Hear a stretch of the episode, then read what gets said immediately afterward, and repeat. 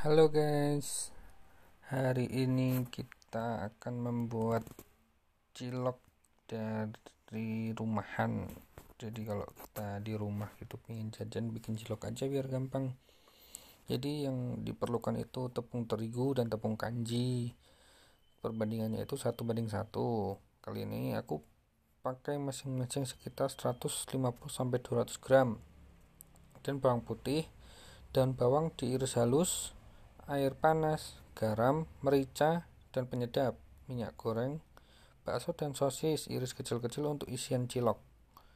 Cara membuatnya, masukkan semua bahan ke dalam wadah, aduk-aduk sampai mengental. Lalu buat buat bulatan, kemudian isi dengan bakso dan sosis.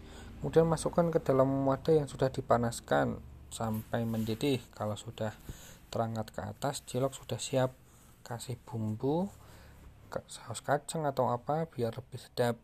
Cilok sudah siap dihidangkan selamat mencoba